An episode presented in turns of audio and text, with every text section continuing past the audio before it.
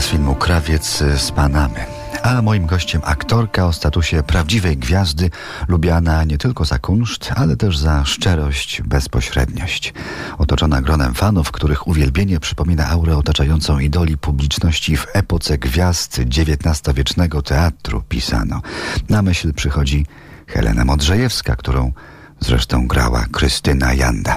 Jedna z jej ważniejszych przysłowiowych stu twarzy to na pewno twarz kina moralnego niepokoju. To dzięki rolom w filmach Andrzeja Wajdy i w filmie Ryszarda Bugajskiego Przesłuchanie. Rolę w tym ostatnim nagrodzono Złotą Palmą w Cannes dopiero 8 lat po nakręceniu filmu, którego do dystrybucji nie dopuściła w PRL-u cenzura. Bliskie spotkania RMF Classic. Z Krystyną Jandą rozmawia Dariusz Stańczuk.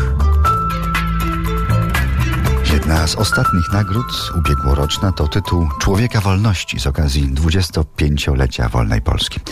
Jak pani ocenia ten czas po pierwszych częściowo wolnych wyborach, ćwierć wieku po okrągłym stole? Jak się pani podoba nasze państwo, społeczeństwo?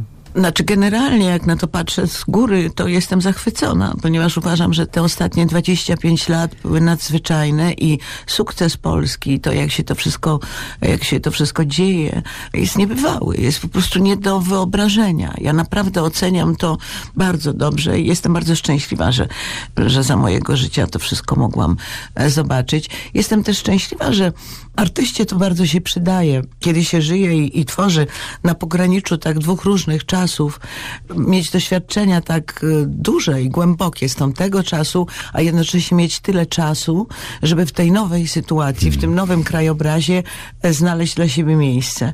Ja myślę, że ta nagroda Człowiek 25-lecia to jest nagroda za to, że w tamtych czasach tak grałam i jakby udało mi się zagrać w ważnych rzeczach, że byłam twarzą tego kina moralnego niepokoju. Tak. Potem udało mi się zagrać w kilku filmach, które, za które dostałam medal Karola Wielkiego, to znaczy za udział w zjednoczeniu Europy. Po prostu tak się zdarzyło, że dostałam kilka ról w filmach niemieckich, francuskich, szwajcarskich, które okazały się, miały znaczenie potem przy jakby siadaniu do, do tego wspólnego stołu.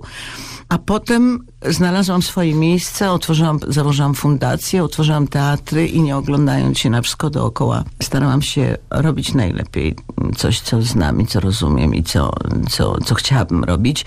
Nie, nie mając takiej postawy roszczeniowej do tego nowego państwa, tylko starając się je budować e, też e, swoimi rękami. No pani jest pięknym dowodem na to, że można. W tej, że jakże skomplikowanej sytuacji, to nie tylko Polska, ale w ogóle cały świat się bardzo skomplikował przecież, prawda? Tak.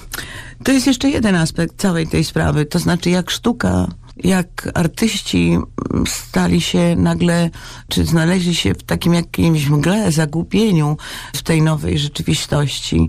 Jak strasznie trudno było im zrozumieć, że trzeba przejść od y, zajmowania się społeczeństwem do zajmowania się indywiduum, do, do opowiadania jednostkowych losów, które można dopiero uogólniać. Tego bardzo długo nikt nie mógł zrozumieć i nie umiał się tym zająć. Krystyna Janda w bliskich spotkaniach RMF Classic. Wracamy za chwilę, teraz muzyka Jamesa Hornera. Temat z filmu Maska Zorro.